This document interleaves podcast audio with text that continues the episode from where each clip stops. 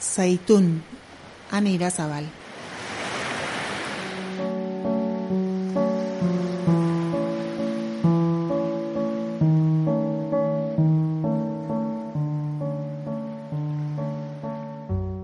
Alemaniara bizitzera etorri nintzenean oso deigarria egin zitzaidan alderdi berdearen indarra.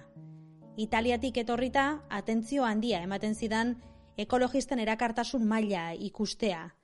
Kontzientzia bizia zuten klima larrialdiari aurre egiteko politiken inguruan eta gazte asko hurbiltzeko gai ziren.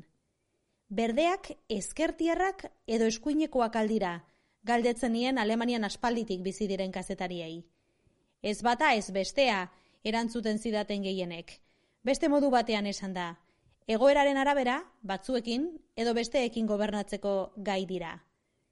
Angela Merkeli agur esan zioten iragan iraileko bozetan, berdeek boto urbanoa eta gaztea erakarri zuten.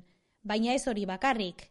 Koalizio gobernura iritsi zirenean, zin egin zuten ikatzaren ekoizpenaren eta energia nuklearraren amaiera azkartuko zutela energia berriztagarrien aldeko apustua zen haien helburu nagusia. Hori duela sei hilabete gertatu zen. Gero Ukrainako gerra hasi zen eta politika guztiak hankaz gora jarri zituen.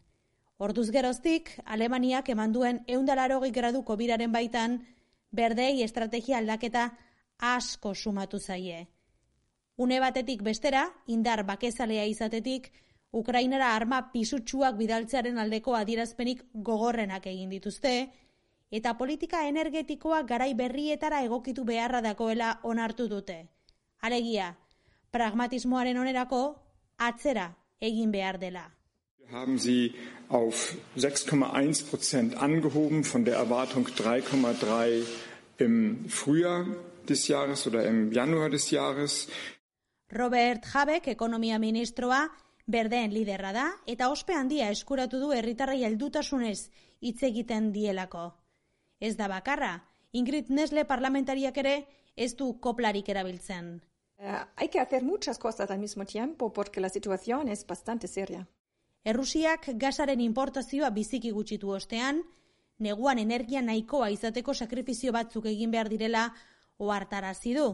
Los tiempos son sucios y horribles y las decisiones muchas no nos gustan. Horrek esan nahi du herritar bakoitzek aurreztu egin behar duela, baina baita lehen ezin jotzen ziren aukera batzuk ontzat jo behar direla ere. Adibidez, ikatz gehiago erre, azken zentral nuklearrak irekita mantentzeko proposamenak ikertu, eta demokratikoki oso fidagarriak ez diren Katarren gisako bazkide energetikoak aurkitu. Berdek muzin egin diete haien printzipioei. Haiek ez ez diote eta badirudi Alemaniarrek arrazoia eman dietela.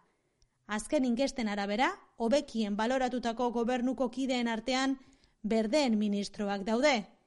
Dena, realpolitik edo gobernagarritasunaren izenean.